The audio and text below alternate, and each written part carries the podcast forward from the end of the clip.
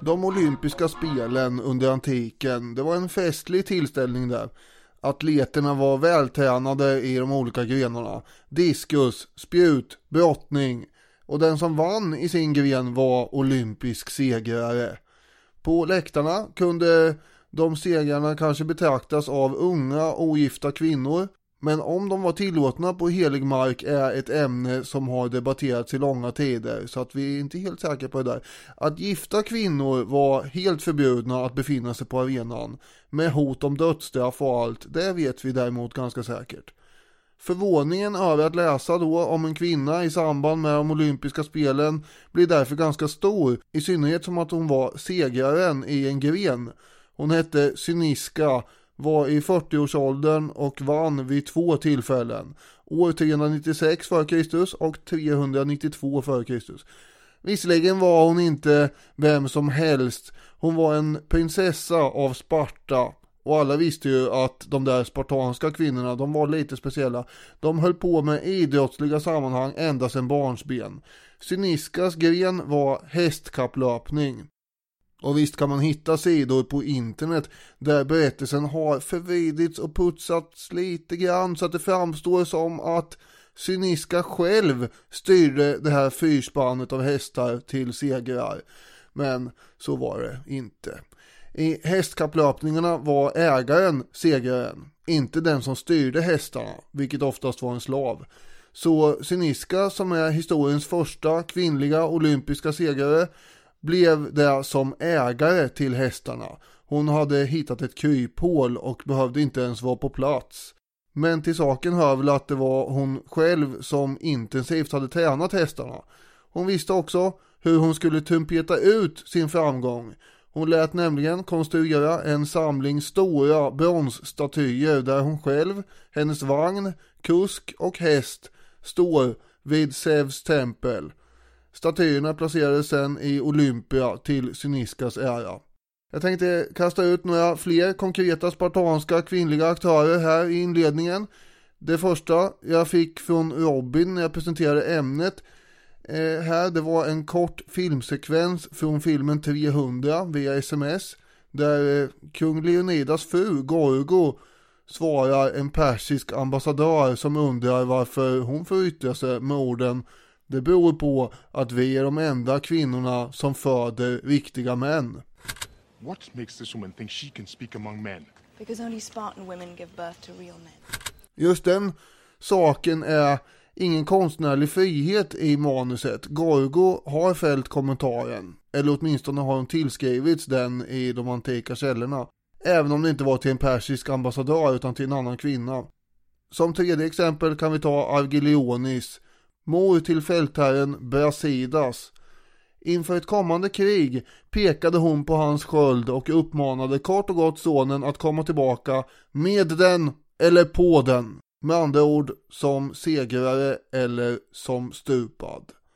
När nyheten senare kom att Brasidas hade stupat och Argilionis fick höra att han hade kämpat och stridit så tappert som en spartan skulle och överträffat alla andra så svarade hon Mina vänner, det är sant att min son var en bra och tapper man men Sparta har många män som är bättre än han. Cyniska, Gorgo och Argelionis visar på någonting. En kultur där kriget som mannen bedriver hyllas. Där självuppoffring, hårdhet och kompromisslöshet är dygder. Men de tre kvinnorna antyder också något annat. De själva spelar en viktig roll i samhället och de tänker inte hymla om det.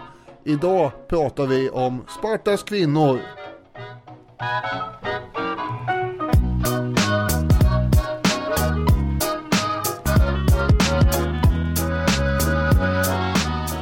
Då hälsar vi er varmt välkomna till Historiepodden. Det glädjer mig att även eh, Spartas kvinnor får fälla lakoniska kommentarer i de antika källorna. Ja, för det gör de ju. Det vill säga korthuggna kommentarer som inte är särskilt utbroderade.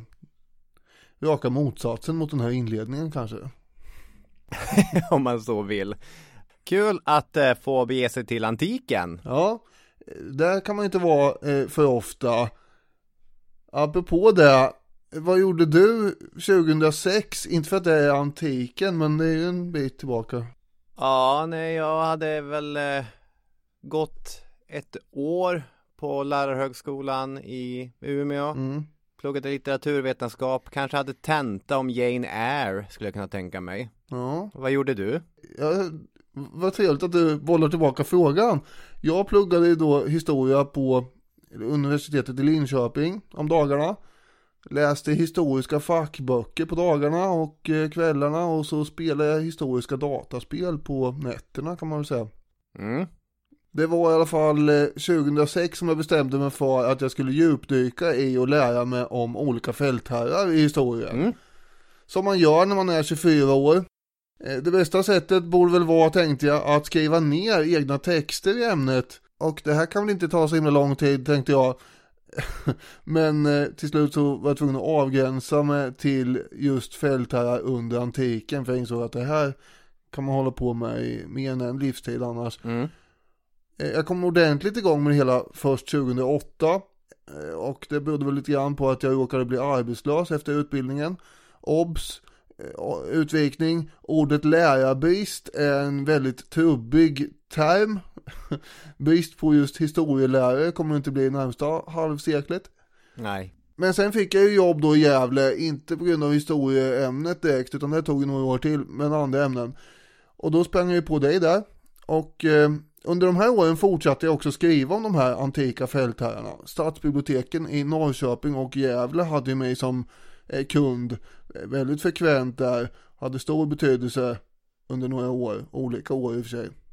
Och under ensamma stunder där i min miljonprogramslägenhet i Gävle så satt man framför datorn omgiven av uppslagna böcker översållade med flikar, anteckningslappar och post-it-lappar som i efterhand är ganska oläsliga. Och så sjönk man ner genom stolen, genom tiden, fortsatte forsa ner i den här tidstuben i tusentals år tills man i tanken hade försatt sig på Ciceros landställe eller på ett piratskepp kanske i medelhavet som eh, panikartat försökte fly från Pompejus eller något. Och ibland vaknar man till i nuet genom katten Biffis jamningar efter mat eller uppmärksamhet eller något sånt där. Hur som helst, nu vankas det då nyheter och jag sa ju i första avsnittet för det här året i januari att det skulle bli ett spännande år ju. Mm. Och eh, det håller det på att bli här. Först har vi lanserat turnén. Mm. Kan man gå in på krigofred.se och kolla och beställa biljetter till närmsta stad.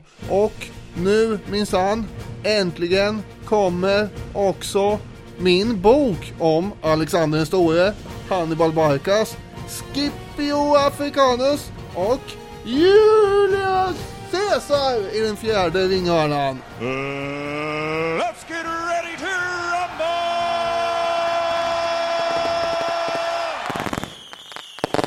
Ja det känns stort som fasen det här ju. Det är en livsdröm måste jag säga helt enkelt. Som håller på att eh, eh, klonka in. Det är grattis, det är väl det första man får säga. Tackar, tackar. Eh, och grattis eh, alla som får, får chansen att, att läsa eh, den här boken också. Jag är ungefär halvvägs genom. Det är bra grejer såklart. Alla som har hört Daniel prata om eh, antiken i podden är såklart inte förvånade över det. Det är ju inte många livsverk, för det här är ju faktiskt ett livsverk som jag tror eh, slutförs. Av någon anledning har jag Mm. gått, eh, när jag har tänkt på din bok och på, på din resa här, har jag gått och tänkt på Henning Mankell. Som eh, i många år, enligt egen eh, uppgift i alla fall, jobbade på en eh, omtolkning av Hamlet som skulle utspela sig i Afrika. Och liksom plockade ut förskott efter förskott och sånt där. Och sen när det väl var dags, när deadline kom, då menade han att manus var färdigt, men han hade tappat det under en taxiresa. Så att, och det fanns inga kopior och så, så att tyvärr, den där afrikanska Nej. Hamlet, den rök. Det tyvärr. Ja, det var ju tråkigt. Men det var någon glad taxichaufför någonstans som satt på ett exklusivt manus. Ja, så är det ju. Eh, eventuellt får man väl säga, för det låter ju lite grann som det blir för många att om, om det tar decennier att bli färdig med, med någonting så kanske, kanske man aldrig blir färdig med det. Det tror jag är eh, en ganska vanlig eh, erfarenhet. Så att, att du har baxat det här i hamn är ju, det är bara hatten av, det är ju, det är ju storartat.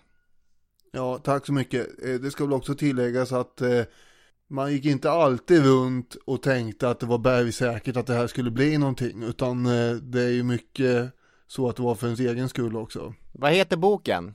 Den heter Det kom, det såg, det segrade och eh, kommer släppas den 22 maj på förlaget Volante. Mer information kommer vartefter kan man säga. Spännande.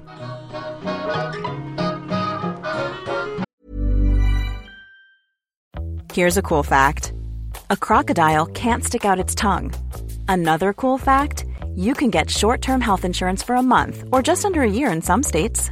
United Healthcare short term insurance plans are designed for people who are between jobs, coming off their parents' plan, or turning a side hustle into a full time gig. Underwritten by Golden Rule Insurance Company, they offer flexible, budget friendly coverage with access to a nationwide network of doctors and hospitals. Get more cool facts about United Healthcare short term plans at uh1.com. When you're ready to pop the question, the last thing you want to do is second guess the ring. At Bluenile.com, you can design a one of a kind ring with the ease and convenience of shopping online. Choose your diamond and setting. When you find the one, you'll get it delivered right to your door. Go to Bluenile.com and use promo code LISTEN to get $50 off your purchase of $500 or more. That's code LISTEN at Bluenile.com for $50 off your purchase. Bluenile.com code LISTEN. Many of us have those stubborn pounds that seem impossible to lose, no matter how good we eat or how hard we work out. My solution is PlushCare. PlushCare is a leading telehealth provider with doctors who are there for you day and night to partner with you in your weight loss journey. They can prescribe FDA-approved weight loss medications like Wagovi and Zepbound for those who qualify. Plus, they accept most insurance plans. To get started, visit plushcare.com slash weight loss. That's plushcare.com slash weight loss.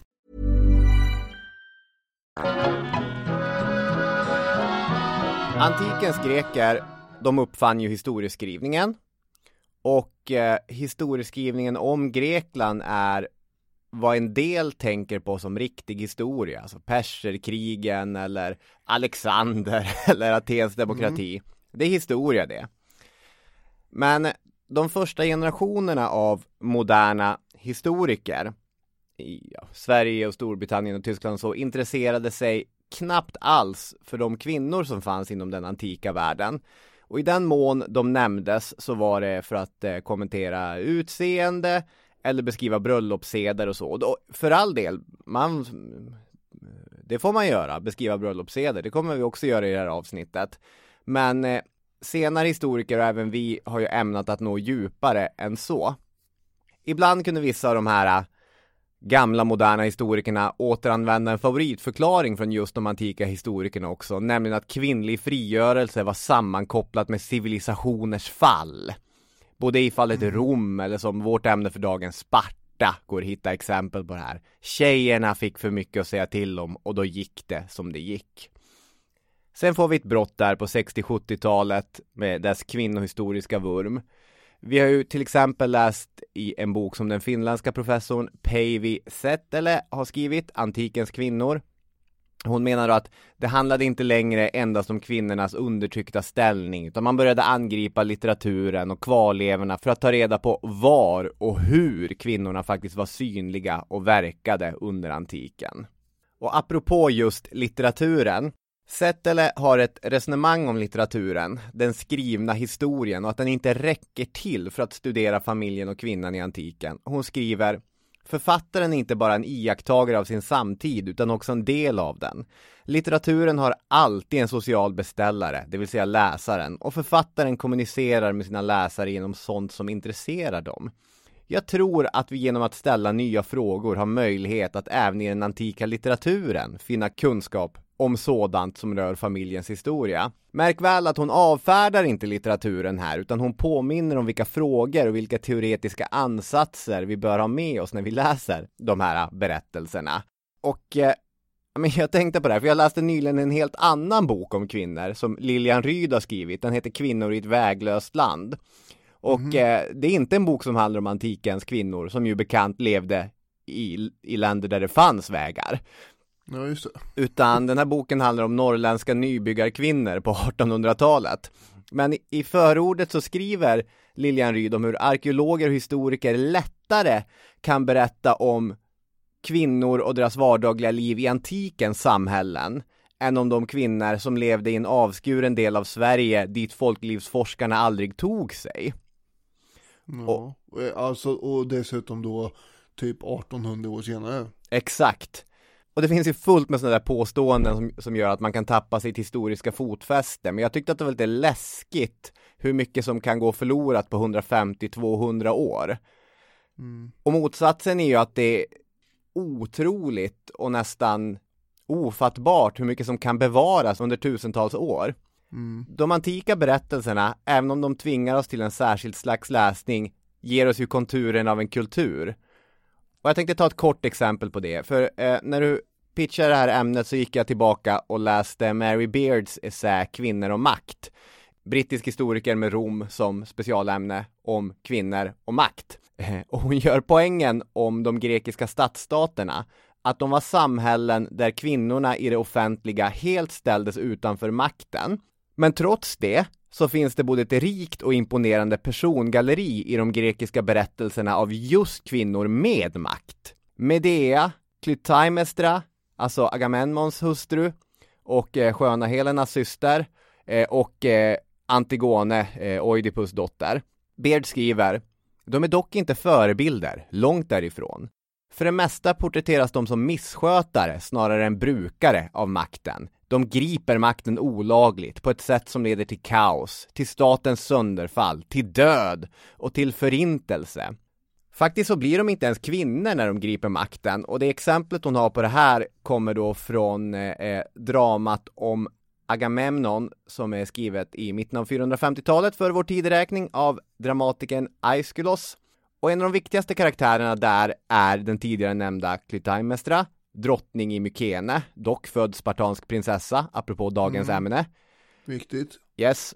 Och eftersom hennes make då, Agamemnon, eh, är frånvarande under det trojanska kriget, då är det hon som regerar i makens frånvaro.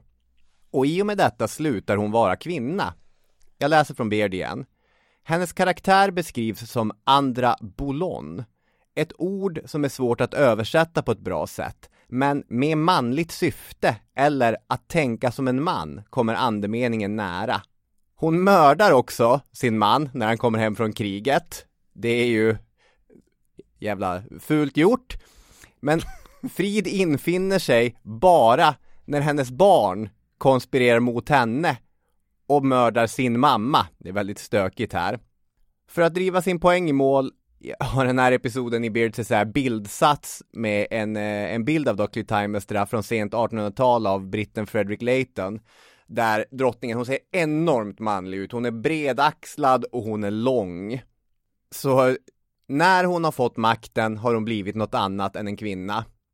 Sen liksom bildkonsten, man kan ju välja vilka bilder man vill. Man kan också ta John Collier, en annan brittisk konstnär som, som avbildar henne som slank, snygg och topless med ett långt svärd i ena handen. Ja, där ser Så- man. Hon, för honom var hon lite mer, hon är farlig, men också ganska sexig. Oavsett vilket, de antika idealen är rätt tydliga. Kvinnor i offentligheten, allra helst kvinnor med verklig politisk makt, det är ett tecken på att samhället är i fara.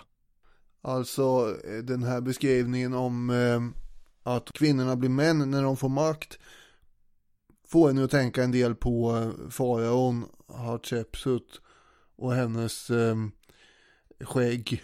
Just det. det var ju den här eh, symbolen för eh, kungamakten var ju skägget och då avbildas hon ju förstås med skägg när hon ska bli staty och sådär. Just det. Trots att eh, skägg inte är bland det vanligaste på kvinnor annars. Ja men det, det, det är samma sak där typ, även fast det är Egypten. Mm. Det är ju rätt intressant där med den grekiska synen på könen. Å ena sidan är den kategorisk, som Päivi Settila skriver, mannen är självbehärskande, förnuftig, kvinnan är raka motsatsen. Men det är någonting jag nästan alltid kommer in på när vi ska prata om, om så här, könen och så, men man brukar ju förenklat tala om en enkönsmodell när man talar om antiken. Vi kommer in på Aristoteles i det här avsnittet såklart. Och han har ju den här idén om att eh, kvinnan är en sämre version av mannen. Han är fast i hullet, hon är, hon är mjuk och sådär. Han är full av livsgivande energi, hon är kall. Men de finns på samma skala och en, en framgångsrik kvinna är i något avseende en man. Och på det sättet blir hon också någonting som skrämmer de grekiska intellektuella. I berättelsen om Clytemnestra ser vi det, men vi har ju också det här i, i Amazon-myterna och så. Men en annan sak som modern forskning har kollat på det är uppdelningen av det grekiska samhället. För de här exemplen som jag har pratat om, det är ju kvinnor som får verklig politisk makt, i alla fall får de det i myterna och i berättelserna. Men om man istället kollar på vart hade grekiska kvinnor makt eller inflytande? Man kan ju prata om å ena sidan oikos, som då är hem och hushåll. Å andra sidan polis, det offentliga, staten om man så vill. Och Settele menar ju att antikens samhällen hade den här uppdelningen och att det fanns en spänning däremellan. Men att båda de här sfärerna var viktiga och påverkade samhället politiskt. Och på den ena arenan, polis, syns kvinnorna knappt alls. Och i de berättelserna där de syns så är de avskräckande exempel. Men om man kollar på arenan oikos istället så spelar de en mycket viktig roll. Ja, oikos är ju helt enkelt eh, hushållet, hemmet och allting som ska skötas där. Det är det kvinnan som bestämmer oftast mer eller mindre. Mm. Och det är ju egentligen en bärande balk för hela samhället. Alltså familjen var ju väldigt viktig och central. Så att eh, naturligtvis sitter det ihop med samhällsbygget. Ja, det gör det. Det är också det här med att antiken är ju en mycket lång period och även om vi bara pratar om den grekiska antiken så inbegriper den ju enormt många olika samhällen och statsskick i och med de olika stadsstaterna. Och du kommer få olika berättelser beroende på vilken av de här du väljer att ställa in skärpan på. Och Sparta är väl mest intressant egentligen? Ja det, det är inte, ja det är ju väldigt intressant. Det avviker ju en smula men å andra sidan avviker ju Aten också eh, på ett helt annat sätt. Och eh, jag tänker mig väl ändå att eh, vi återvänder kanske till kvinnornas roll och situation i Aten en annan gång. Som är mer, vad ska man säga, går i linje med fördomarna av hur kvinnan hade det. Mm. Sen är vi ju gruppen kvinnor, får man komma ihåg, en ganska heterogen grupp. Ja. Eh, De eh, spartanska kvinnorna kanske äger massor med jord som vi kommer se. Vanliga spartanska kvinnor som inte äger jord finns ju också. Och sen har vi då de som är slavar som kanske inte är spartanska kvinnor dock men som ändå bor där i samhället och så. Och eh, alltså spelar det väldigt stor roll vilken samhällsklass man är ifrån. Ja, när man på hur man har det. Ja, när man pratar om den spartanska kvinnans relativa självständighet eller tillgång till även polissfären av samhället, då är det ju inte heloterna, slavarna man pratar om. Nej. Trots att det i mångt och mycket är deras arbete som möjliggör det. Ja.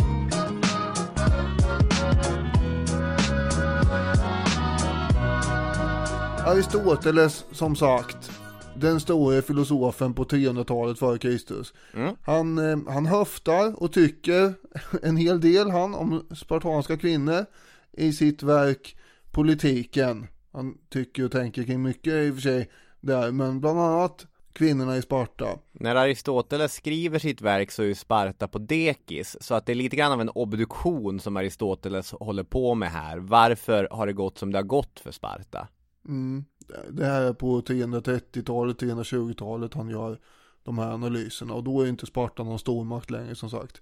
Aristoteles hävdar att i Sparta styrde kvinnorna över männen Ja, och eh, att eh, Sparta alltså var en gynokrati, eh, det vill säga kvinnostyre. mhm. Eh, Nu är ju då Aristoteles kvinnosyn Ehm, ja, den var ju inte speciell på den tiden, utan eh, han delar ju den med de flesta andra greker under antiken. Och han kombinerar då sina fördomar kan man säga med en egensnickrad eh, version av vetenskap. Han menar då, som du var inne på förut, att han, han kunde bevisa att kvinnors kropp och själ, alltså deras psyke, var underlägset mannens. Alltså att det var helt enkelt kvinnor var rent fysiskt missbildade män mer eller mindre. Ja, precis. Intellektuellt så var det så att de var helt hopplösa, det gick inte att ta kvinnor på allvar. Och eh, till skillnad från eh, hans eh, mentor Platon, en annan stor filosof under perioden, eh, så kunde han inte tänka sig att man eh, kan ha kvinnor som jämlika samtalspartner. Det hade ju Platon kunnat föreställa sig ändå, men inte Aristoteles. Som Paul Courtledge skriver i boken Sparta, en odödlig historia, så blir det en viss paradox då i Aristoteles resonemang eh, som går ut på att eftersom kvinnorna då dels är de underlägsna samtidigt på något sätt har de kommit över makten i krigarstaten Sparta. Och det där är lite klurigt hur det går ihop.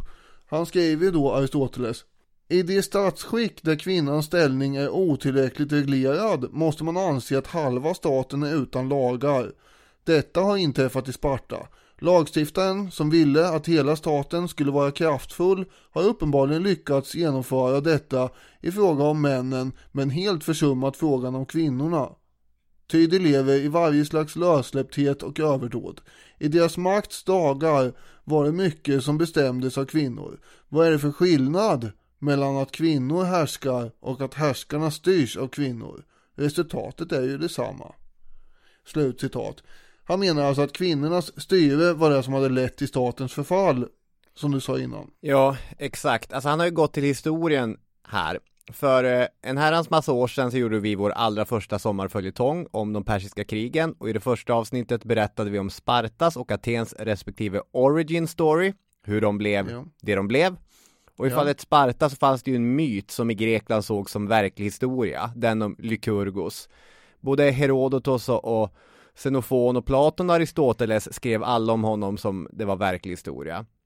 Och Lykurgus var ju då lagmannen som man menade hade format den stränga spartanska uppfostran, agoge, och det samhället som den gav.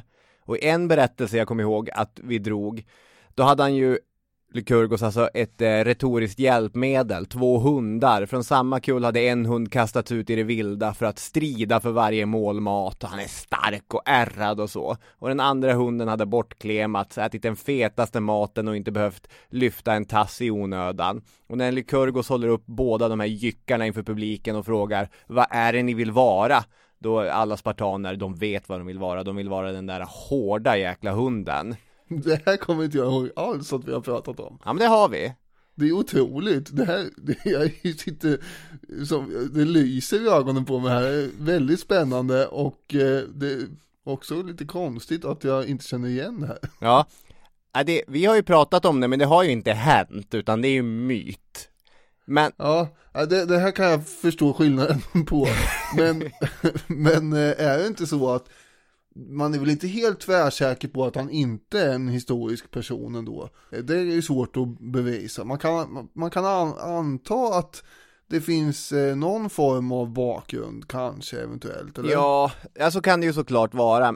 Men det är också lite grann så här att oavsett om han fanns eller inte så var han ju för män som Aristoteles ett historiskt faktum och på det sättet så blir han ju Ja. viktig oavsett om han fanns eller inte. Det här skulle då ha skett på 700-talet före Kristus. Ja, det beror vilken av de grekiska historikerna det går till. Det kan ha varit så långt som på 1100-talet för vår tideräkning också. Det var ju längre tillbaka. Men okej, man, man förstår då att det är, även ur Aristoteles perspektiv så är det typ minst 300-400 år tillbaka. Exakt. Men, frågar sig Aristoteles, skrev kvinnorna också under på det som Lykurgus eh, sa att samhället skulle vara? Nej. Och då, Cartledge, som du nämnde, skriver Kvinnorna hade vägrat underkasta sig Lykurgus och sedan dess hade man inte lyckats få kontroll över dem.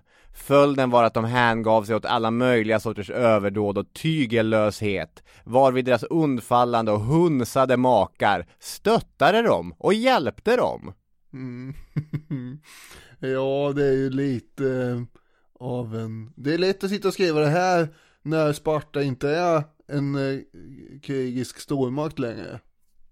Kanske. Ja, så är det. Det är ju lättare då och dessutom så Alltså Aristoteles Han eh, letar ju ibland sina egna övertygelser, som man ofta gör, för att hitta en förklaring Mm. till det här faktumet.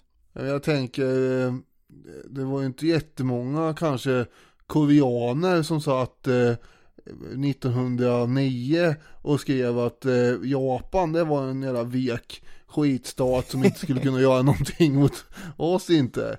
Sen kom de ju 1910 eller vad det var och ockuperade hela ön. Men däremot kanske 1900, ja, hitta på 55, då skulle väl en eh, sydkorean eh, uppbackad av all möjlig tänkbar amerikansk eh, vapenarsenal få för sig och skriva att Japan är inte någon, det är något fel på japanernas krigsmoral för de förlorar ju bara, det är något sånt där. Det är lättare att skriva när motståndaren så att säga är på nedgång eller har förlorat. Oh ja. Slutsatsen av det här är väl att eh, det Aristoteles påpekar stämmer inte särskilt bra egentligen. Det Nej. fanns regler för kvinnor också. De styrde inte staten Sparta. Men i jämförelse med kvinnor i framförallt Aten så levde de mycket friare tillvaro. Och eh, det här kommer vi komma in på nu.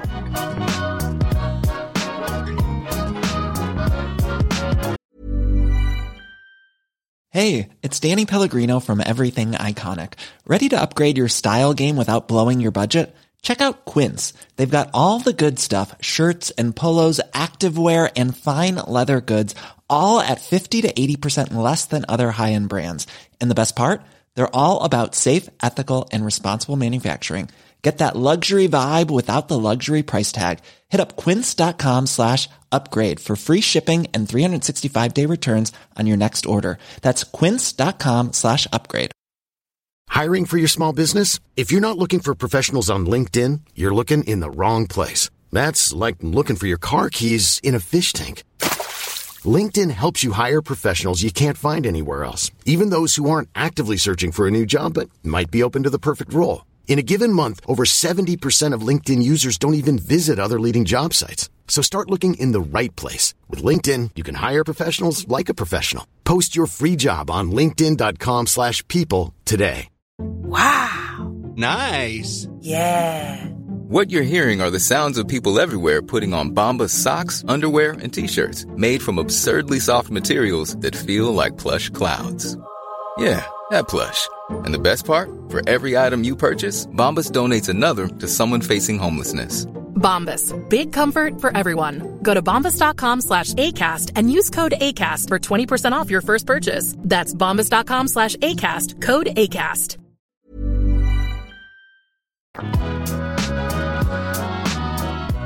Vi kan prata lite arvsrätt till att börja med, det är spännande. Eh, kvinnan i Sparta hade ju rättigheter som de i Aten var väldigt långt ifrån att ha.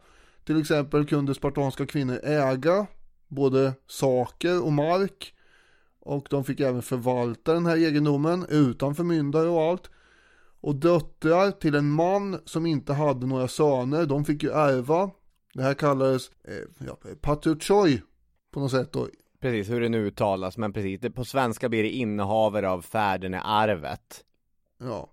Och i Aten fungerade det så att en dotter i samma position, hon var ju bara en, eh, en kanal som eh, egendomen fördes över via till nästa manliga arvinge. Alltså mannens dotterson då.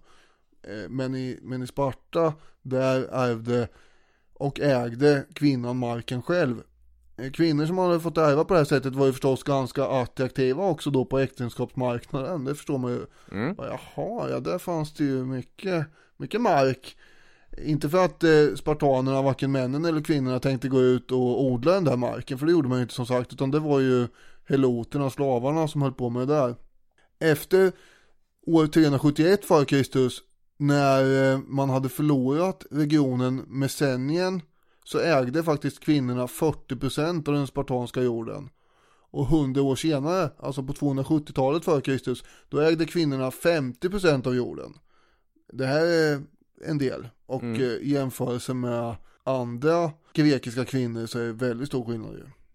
Vi ska komma in på, på bröllopssederna och så, men ibland de här kvinnorna som satt på ganska stora ägor. Lite intrycket man får är att de själva kunde välja relativt fritt bland olika friare också. Att de satt med starka kort på hand.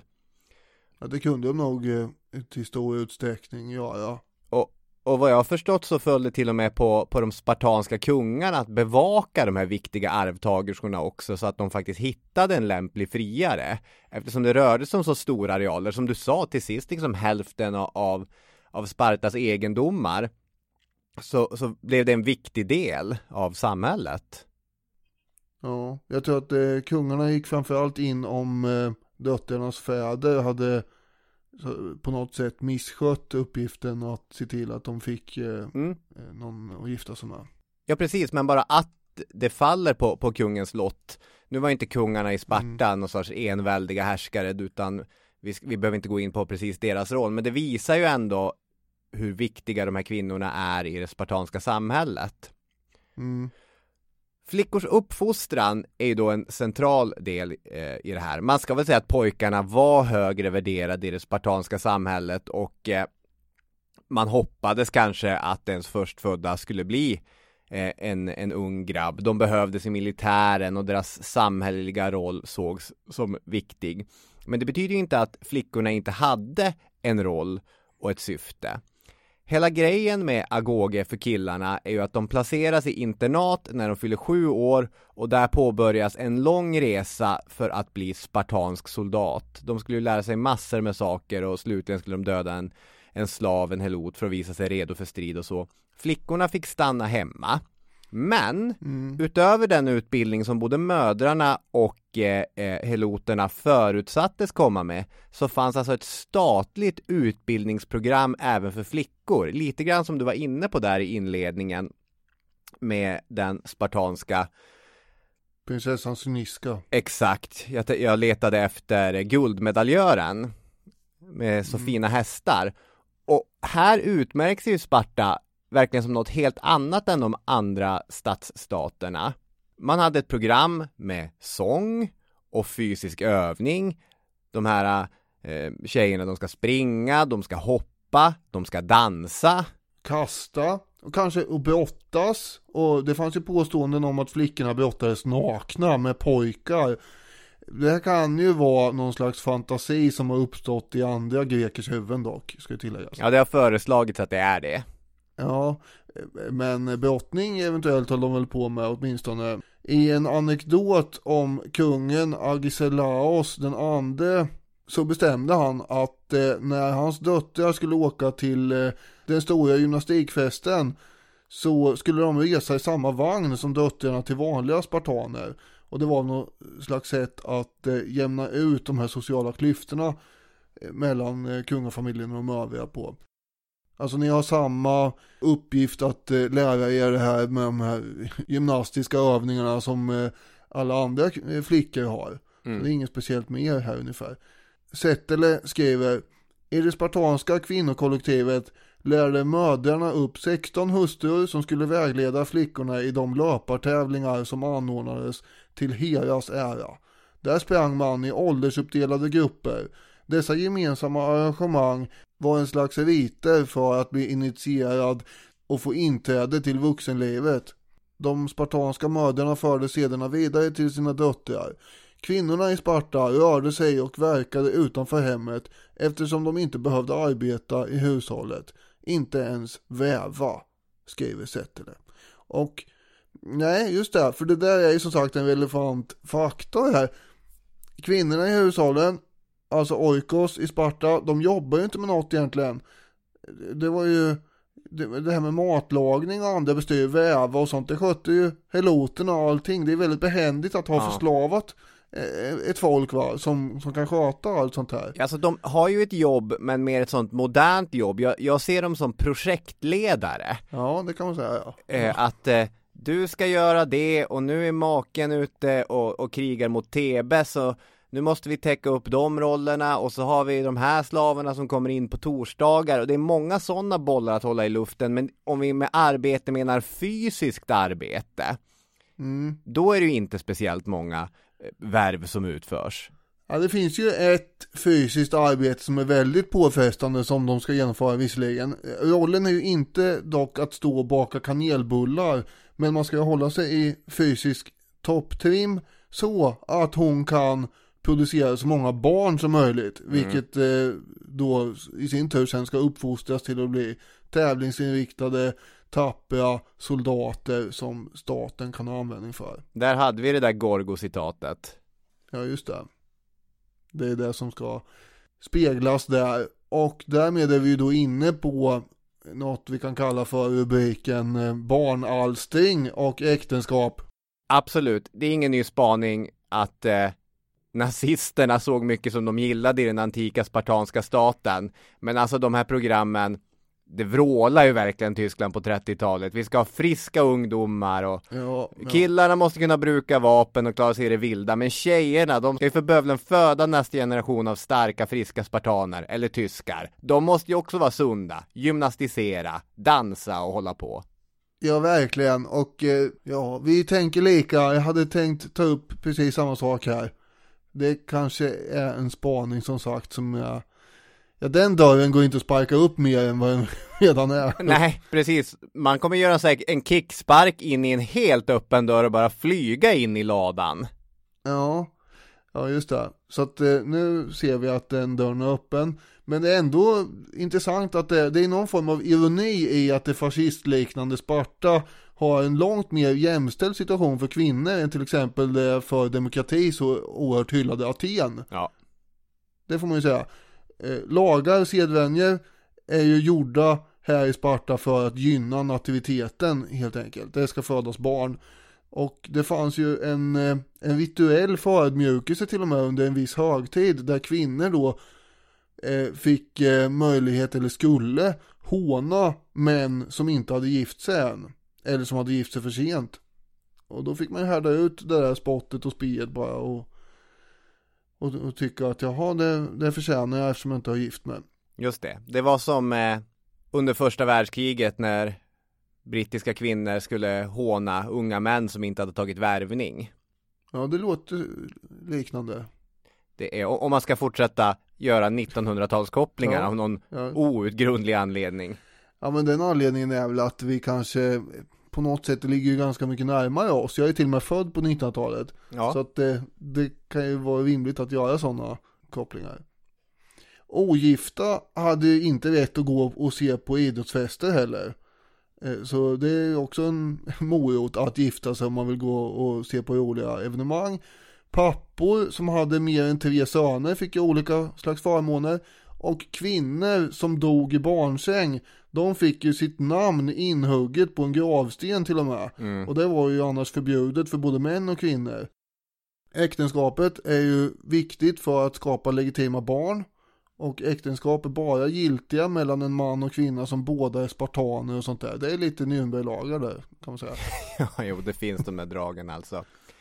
Familjen är ju som sagt den centrala enheten i Sparta och, och man uppmanas gifta sig tidigt och allt sånt där. Det är ju lite motsägelsefullt eftersom de unga männen alltså bodde i kaserner i de här militära internatskolorna. Och flera berättelser handlar ju om hur de unga männen måste smyga iväg på kvällarna för att träffa sin hustru. Eh, Plutarkos har en lite tillspetsad berättelse om det där här i Alf Henrikssons eh, tolkning. Ja. Bruden, säger han, togs hand av en äldre dam som klippte håret av henne, klädde henne i manskappa och lade henne på en halmbädd på golvet och släckte ljuset. Och i sinom tid kom brudgummen dit smygande från sin kasern, stannade en stund och gick sedan tillbaka till sina kamrater. På det viset fortgick äktenskapet allt framgent. Den äkta mannen kom aldrig öppet hem till sin hustru, utan var noga med att ingen i huset skulle få se honom. Och det hände att paret fick barn innan de någonsin hade sett varandra vid dagsljus. Under sådana förhållanden höll sig kärleken i allmänhet bra. Ja, ja det är ju lite underligt i och för sig. en hel del här är, är ju, har ju stöd eh, såklart det här att med man klippte sig kort när man gifte sig och att det såklart om man är på kasernen hela dagen då är det på kvällen man har tid att träffas och då är det ju mörkt och så. Mm. Ja, jo, men det är ju också Jag tror det är Cartledge som eh, uttrycker att det finns väl kanske en tanke med att det ska vara lite svårt och någon slags utmaning att få till det här. Eh, dels eh, smyga iväg då från de andra på kasernen och sen ska allting ske i mörker och sånt där. Och det här skulle då öka lusten på något sätt och eh, generera starkare barn tänkte man. Så att det inte är helt taget ur luften där, utan det ska ju vara lite svårt va, tänkte man också. Henriksson har ju en annan version också med hur eh, de som ska gifta sig träffas. Han skriver, det finns uppgifter om att på vissa bestämda dagar fördes alla giftasvuxna kvinnor ihop i ett mörkt rum där till äktenskap lediga spartiater fick välja sig en hustru i blindo. Mm. Ja, det låter ju som en eh, halvbra pitch till en modern dokusåpa. man får gå in i ett mörkt rum och sen Du menar att man trycker in en himla massa eh, folk där då och sen del, både, både kvinnor och män och sen ska man komma ut, leda ut en då som man har valt. Ja. Men visst är det så att det här är en skröna? Tum tumultartat, man ser det framför sig. Kanske till och med inte bara en halvbra utan en ganska bra pitch. Om man har mörkerkameror där inne då. Just det. Ja. This fall on Netflix, it's Spartan weddings ja det här är förmodligen en skröna. Eh, Plutarkos är väl han hämtar det här ifrån. I och för sig är den andra informationen också från Plutarkos. Men Cartledge, han eh, har ju andra källor med och skriver Uppvaktning och frieri gick till på det vanliga grekiska sättet, vilket innebar att fäderna till giftasvuxna flickor blev kontaktade av intresserade potentiella makar och deras representanter. Det låter bra mycket mer torrt det. Ja, ja, så är det. Men eh, det fanns ju en del ritualer som kanske hade äldre och lite mörkare historia kvar i Sparta, bland annat ett eh, kvinnorov som i alla fall Cartledge anser är symboliskt där mm. då mannen låtsas röva bort en kvinna som han ska gifta sig med. En påminnelse, skriver Cartledge, över hur högt våldskapital trots allt värderades i det spartanska samhället. Och det finns till och med berättelser om hur spartanska kungar hinner röva bort brudarna före makarna han gör det, så det där är ett mm, stick ja. som finns. Jag, jag, undrar om det inte är det här som eh, Henriksson beskriver i det här mörk, mörka rummet och det. Just det. Att det är det som ska vara det här kvinnorovet. Fast han skriver, ja, för han skriver ju sen i, i nästa mening att eh, en, en annan uppgift är att äktenskapen organiserades via kvinnorov, vilket känns mer troligt. Ja, men jag undrar om han inte har blandat ihop det där, den gode Alf. Skulle Henriksson blanda ihop någonting? Ja, ja det ibland blir man lite sådär, nu har du, nu är det stökigt här Affe. Som du sa innan, barnen som föddes skulle väl helst vara pojkar kanske, tänkte man sig. Men eh, det räckte ju inte att vara pojke heller, utan alla, eh, framförallt pojkarna åtminstone, utsattes ju för en noggrann besiktning av de äldre eh, farbröderna i eh, den spartanska eliten. Och hade grabben då någon slags skavank så gjorde man sig av med honom helt enkelt. Och eh, i vilken mån det här gällde även för flickor är oklart. Men man vet ju att i andra grekiska stater så hände det nu och då att eh, föräldrar helt enkelt gjorde sig av med döttrarna för att man ville ha pojkar istället och då gick man ut i skogen kanske och satte ut flickebarnet och väntade på att någon varg eller något skulle ta henne. Eh, och eh, några sådana uppgifter finns ju inte om eh, Sparta, att man, att man gjorde så med flickor. Såvida det kanske inte var något uppenbart fysiskt fel på, på henne.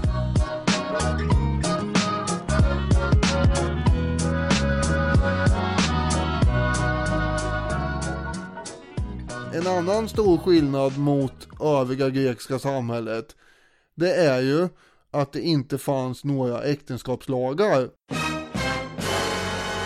Nej. Och det var väl det här bland annat som Aristoteles var inne på. Här kan vi liksom se hur hakerna på diverse atenska farbröder bara smäller i golvet. Ja. Det här tycker de ju är ofattbart. Kanske fanns det också, apropå 1900-talet i början på det, en och annan pryd britt som tänkte att det här var ju förskräckligt ändå. Ja, det kan man tänka sig. Samma farbröder som tyckte att eh, man måste hålla Julius Caesars eh, omoraliska leverne mot hans eh, track record som fältherre. Ja. Ja, det är Basil Little Heart va? Just det, ja. Ja, den spartanska kvinnan kunde alltså ha sex utanför äktenskapet utan att bryta mot någon lag. Mm. Och det var dessutom ganska vanligt att män då lät sina fruar få barn med andra män efter att de själva hade fått tillräckligt många. Mm. Och det här beskrivs ibland som att fruarna lånades ut. Och det betyder då att mannen som lånade kvinnan inom citattecken fick en legitim avkomma ju. Mm. Men den grekiska historikern Xenofon han lovar ju att eh, kvinnorna i de här utlåningsfallen själva var helt med på det hela och att de var nöjda över att få möjlighet att styra över ytterligare ett oikos. För Mm. det fick de ju då förstås. Ja, för det är ju det som är argumentet för, här vet man ju i själva verket inte hur den här eh, mycket normaliserade sedvänjan faktiskt upplevdes och det är väl inte otroligt att det skulle vara olika från person till person också.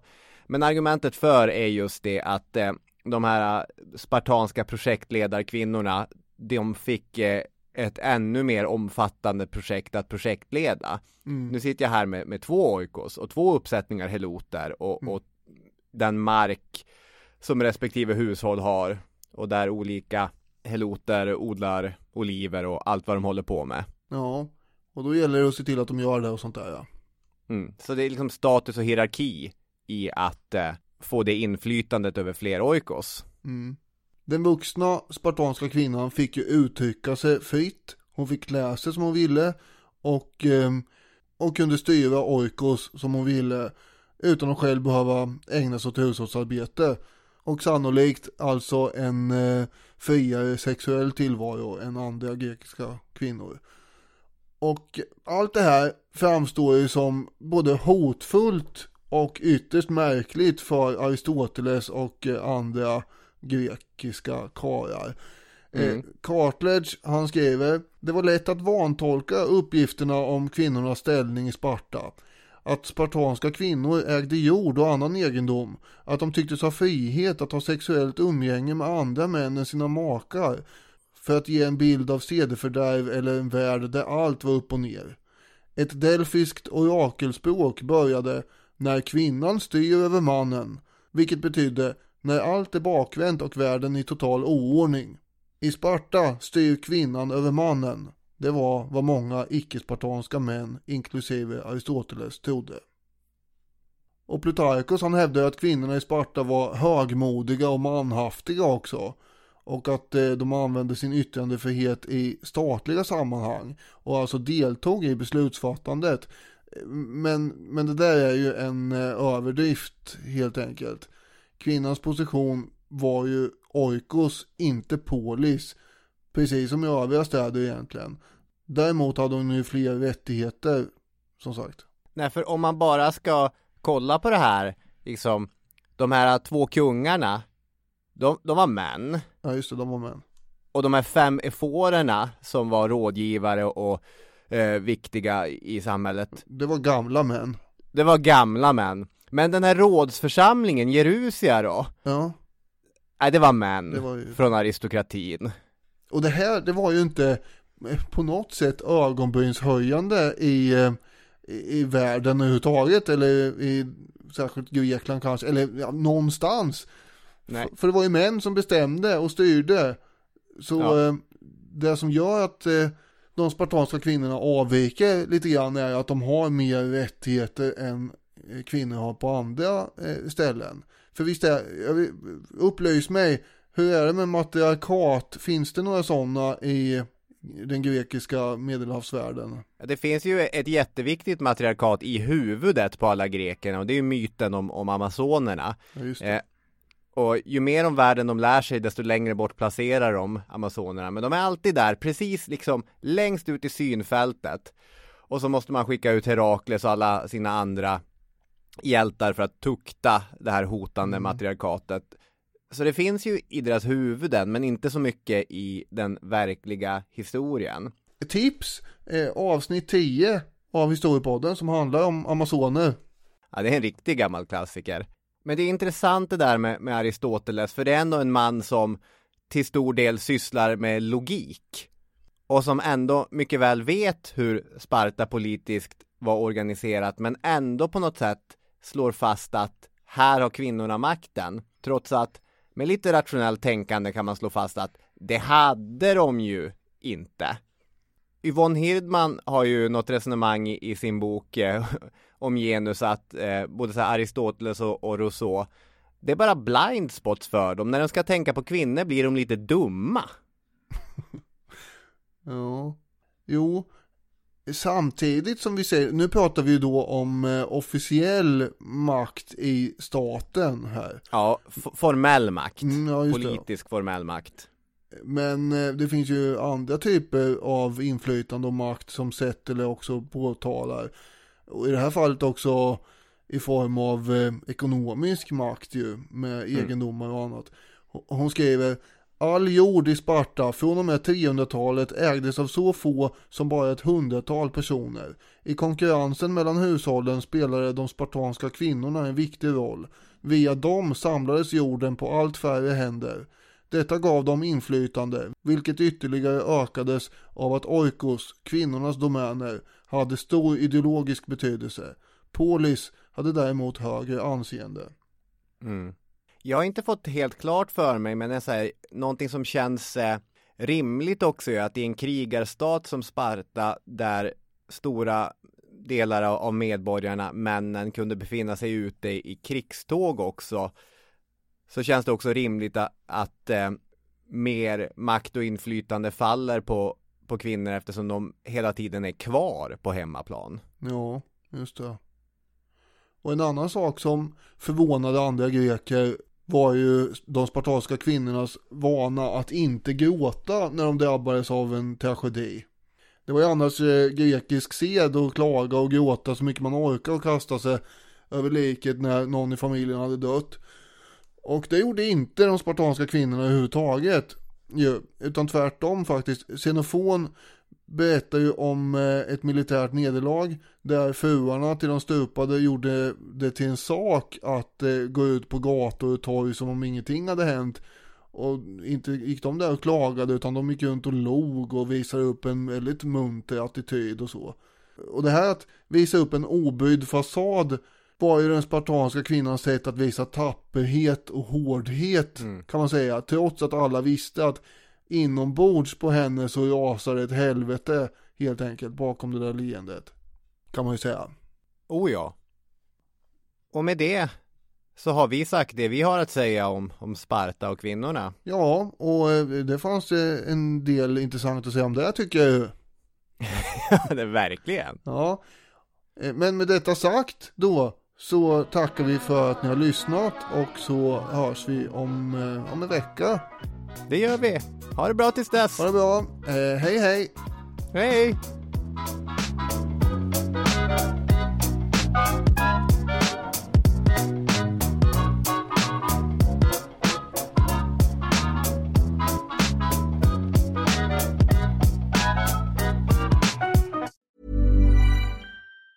Planning for your next trip? Elevate your travel style with Quince. Quince has all the jet setting essentials you'll want for your next getaway, like European linen, premium luggage options, buttery soft Italian leather bags, and so much more. And it's all priced at 50 to 80% less than similar brands. Plus, Quince only works with factories that use safe and ethical manufacturing practices. Pack your bags with high-quality essentials you'll be wearing for vacations to come with Quince. Go to quince.com slash trip for free shipping and 365-day returns. Planning for your next trip? Elevate your travel style with Quince. Quince has all the jet-setting essentials you'll want for your next getaway, like European linen, premium luggage options, buttery soft Italian leather bags, and so much more. And is all priced at 50 to 80% less than similar brands. Plus, Quince only works with factories that use safe and ethical manufacturing practices. Pack your bags with high-quality essentials you'll be wearing for vacations to come with Quince. Go to quince.com/pack for free shipping and 365-day returns. When you make decisions for your company, you look for the no-brainers. If you have a lot of mailing to do, stamps.com is the ultimate no-brainer. Use the Stamps.com mobile app to mail everything you need to keep your business running with up to 89% off USPS and UPS. Make the same no-brainer decision as over 1 million other businesses with stamps.com. Use code program for a special offer. That's stamps.com, code program.